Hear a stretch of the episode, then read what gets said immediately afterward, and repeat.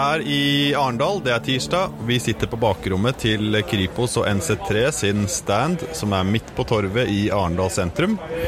Og rett overfor meg så sitter Kåre Svang, som er etterforskningsleder på Kripos, og som har jobba med vold mot barn i en årrekke. Og på Arendal kino tidligere i dag så var du første taler ut på Stine Sofie Stiftelsen sitt arrangement. Kan ikke du dra oss litt gjennom hva du fortalte til publikum? Ja, denne, denne, presentasjonen til eh, Stine Sofie Stiftelsen, det gjaldt i all hovedsak å rulle ut eh, Foreldrepakka, som er et eh, informasjonsprogram eh, til eh, nybakte eh, foreldre. Det er et uh, informasjonsprogram som man har jobbet med det siste året, og hvor, hvor, jeg har vært en del av en referansegruppe som har sett på tiltak uh, som skal forebygge vold mot uh, de minste barna. Og hva var det du trakk fram spesielt under foredraget ditt? Jeg eh, trakk fram eh, en del forebyggende tiltak som Kripos og eh, for så vidt jeg har spilt inn gjennom ulike høringer, barnevoldsrapporten og opptrappingsplanen for vold og overgrep tidligere. Foreldrepakka inneholder kan si en sammenfatning av en rekke forebyggende tiltak som gjør at nybakte foreldre i etterkant av fødsel eh, kan gå inn og få hjelp til eh, bl.a. dette med barnegråt, barneskrik, eh, hjelp til sykdom, hjelp til å ta kontakt med noen hvis de har behov for det. Så ut ifra saker du har jobba med og din erfaring, hvilke situasjoner er det nybakte foreldre er mest sårbare for å begå vold mot barna sine? Ja, så Det er jo denne endringen i eh, familiens eh, hverdag ved å få et uh, ny, nytt barn med seg hjem fra fødeavdelingen. Og vi ser jo det ut fra statistikken at de første seks månedene er overrepresentert hvor barn blir utsatt for, for vold. Sannsynligheten for at det henger sammen med en endret livsstil en endret hverdag, er jo, eh, er jo stor. Eh, derfor så er det viktig å, eh, å gi noen føringer for hvilke tiltak da disse foreldrene kan gjøre, slik at man ikke får handlinger i en affektsituasjon, f.eks., hvor barn blir utsatt for vold. Um, vi har vært inne på det tidligere um, i tidligere podkaster også, men um, bare konseptet at noen utøver vold mot barn som er ti dager, to uker, uh, tre måneder, er fjernt for mange. Og naiviteten uh, der uh, vet jeg at det er en kjepphest for deg. Vil du si litt mer om det? Ja, jeg eh, tenker jo at eh, naiviteten eh, gjør at vold mot barn har vært, og sannsynligvis også i fremtiden kommer til å være et samfunnsproblem. Vi liker ikke å tro at foreldre eller nære familiemedlemmer påfører barn vold. Sannheten er en annen. Det viser både barn som blir skadet, alvorlig skadet, barn som dør. Eh, ofte skjer eh, handlinger i en, affekt, eh, i en affektsituasjon knyttet til f.eks. at barn begynner å gråte, barn ikke vil spise, eh, barn som, eh, som, ikke vil sove. Alle sånne faktorer eh, er, er, kan medføre at foreldre mister besinnelsen. Og det er det denne foreldrepakka eh, så fint eh, omtaler. Det er et, eh, kall det et oppslagsverk om de situasjonene man kan komme opp i, eh, og som man kan forberede seg på i forkant av fødsel, men også eh, hvilken hjelp man kan få eh, i etterkant av fødsel når situasjonene oppstår. Derfor så er foreldrepakka vil være et viktig hjelpemiddel til, til nybakte foreldre som, som sliter med å finne ut av situasjoner. Altså Når det kommer til eh, forebygging av vold mot de minste barna, så er det jo mange i samfunnet som har en rolle å spille. Hva er politiets rolle her, sånn som du ser det? Politiets rolle er å belyse, eh, belyse situasjoner som gjør at barn blir utsatt for vold. Vi får kjennskap til det gjennom de sakene vi etterforsker, eh, de opplysningene eh, foreldrene forteller om til oss i bl.a. avhør. Det å eh, samle disse opplysningene eh, og, og, samle de eh, slik at vi kan eh, lage forebyggende tiltak, har vært viktig de, i, i hvert fall i de siste ti, ti årene. Jeg tror det er med på å øke barns eh, rettssikkerhet. Det at man belyser dette eh, godt.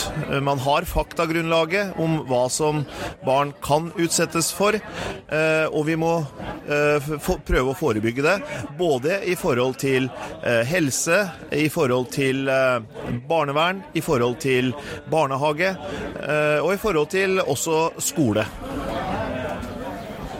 Og eh, helt sånn kjapt, nå er vi i 2019, og du har jobba med fagfeltet i over 20 år. Kan du fortelle kort, hvis det er mulig, om den eh, reisa du har vært gjennom, og hvordan barns rettssikkerhet har endra seg på de åra? Veldig kort så øh, mente jeg for 20 år siden at uh, det var uh, trolig en del mørketall uh, der hvor barn ble utsatt for både faktisk vold og, og, overgrep. Fordi antall saker som ble avdekket og meldt inn, var så lavt. 20 år etter så, så fikk jeg rett i mine antagelser. Vi ser at det har vært en stadig økning gradvis de siste 20 årene. Jeg tror ikke det, jeg tror ikke det er grunnen til det er at uh, foreldre har blitt voldeligere. Jeg tror det har med å gjøre at man har blitt flinkere til å avdekke det. Uh, spesielt i etterkant av Kristoffer-saken, som fikk mye medieomtale, så begynte sakene å, å strømme på. Og jo flinkere, jo, jo bedre tiltak man har iverksatt, både fra riksadvokat, fra politidirektorat, men også uh, gjennom helse, gjennom barnevern, gjennom skole og barnehage, jo mer fokus man har hatt på disse, eh, denne situasjonen, eh, jo bedre har det vært. Og spesielt media, eh, som har skrevet om sakene i mye større grad nå enn for 10-15-20 år siden, så ser man at sakene er der. Samfunnet får forståelse for at det faktisk kan være et samfunnsproblem. Så det å, det å belyse det ut i samfunnet, det fjerner også en del av den naiviteten som vi snakket om tidligere. Og så eh, Hvilke personer i samfunnet er nøkkelpersoner for å oppdage vold mot de minste barna?